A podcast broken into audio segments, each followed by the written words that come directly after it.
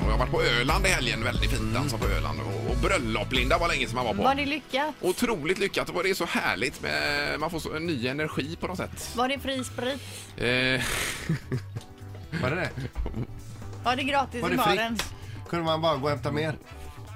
är det det enda som är intressant? Är inte Nej, eh, det här men med det är en- ly- lycka och välgång viktigare än fri sprit? Självklart. Ja, Men det var inte det då. bra. Fri sprit. Ja, men det var det Fick väl. ni vara med Om själva? man nu ville ta en extra öl så kunde man väl göra det då. Ja, bra. det var så. Och varför var det på Öland?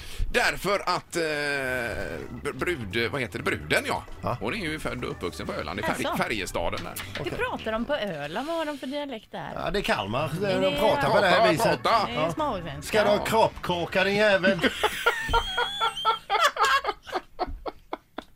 Eh, Hörde du någon som sa det Ingmar? nu? Det gör du ju aldrig. ja. det är alltså national... nationalrätten på Öland, det är kroppkakan. Ja. Ja, herregud. Nej, du är inte frisk Sandholm. Nej. Ett poddtips från Podplay. I podden Något Kaiko garanterar östgötarna Brutti och jag, Davva, dig en stor dos skratt.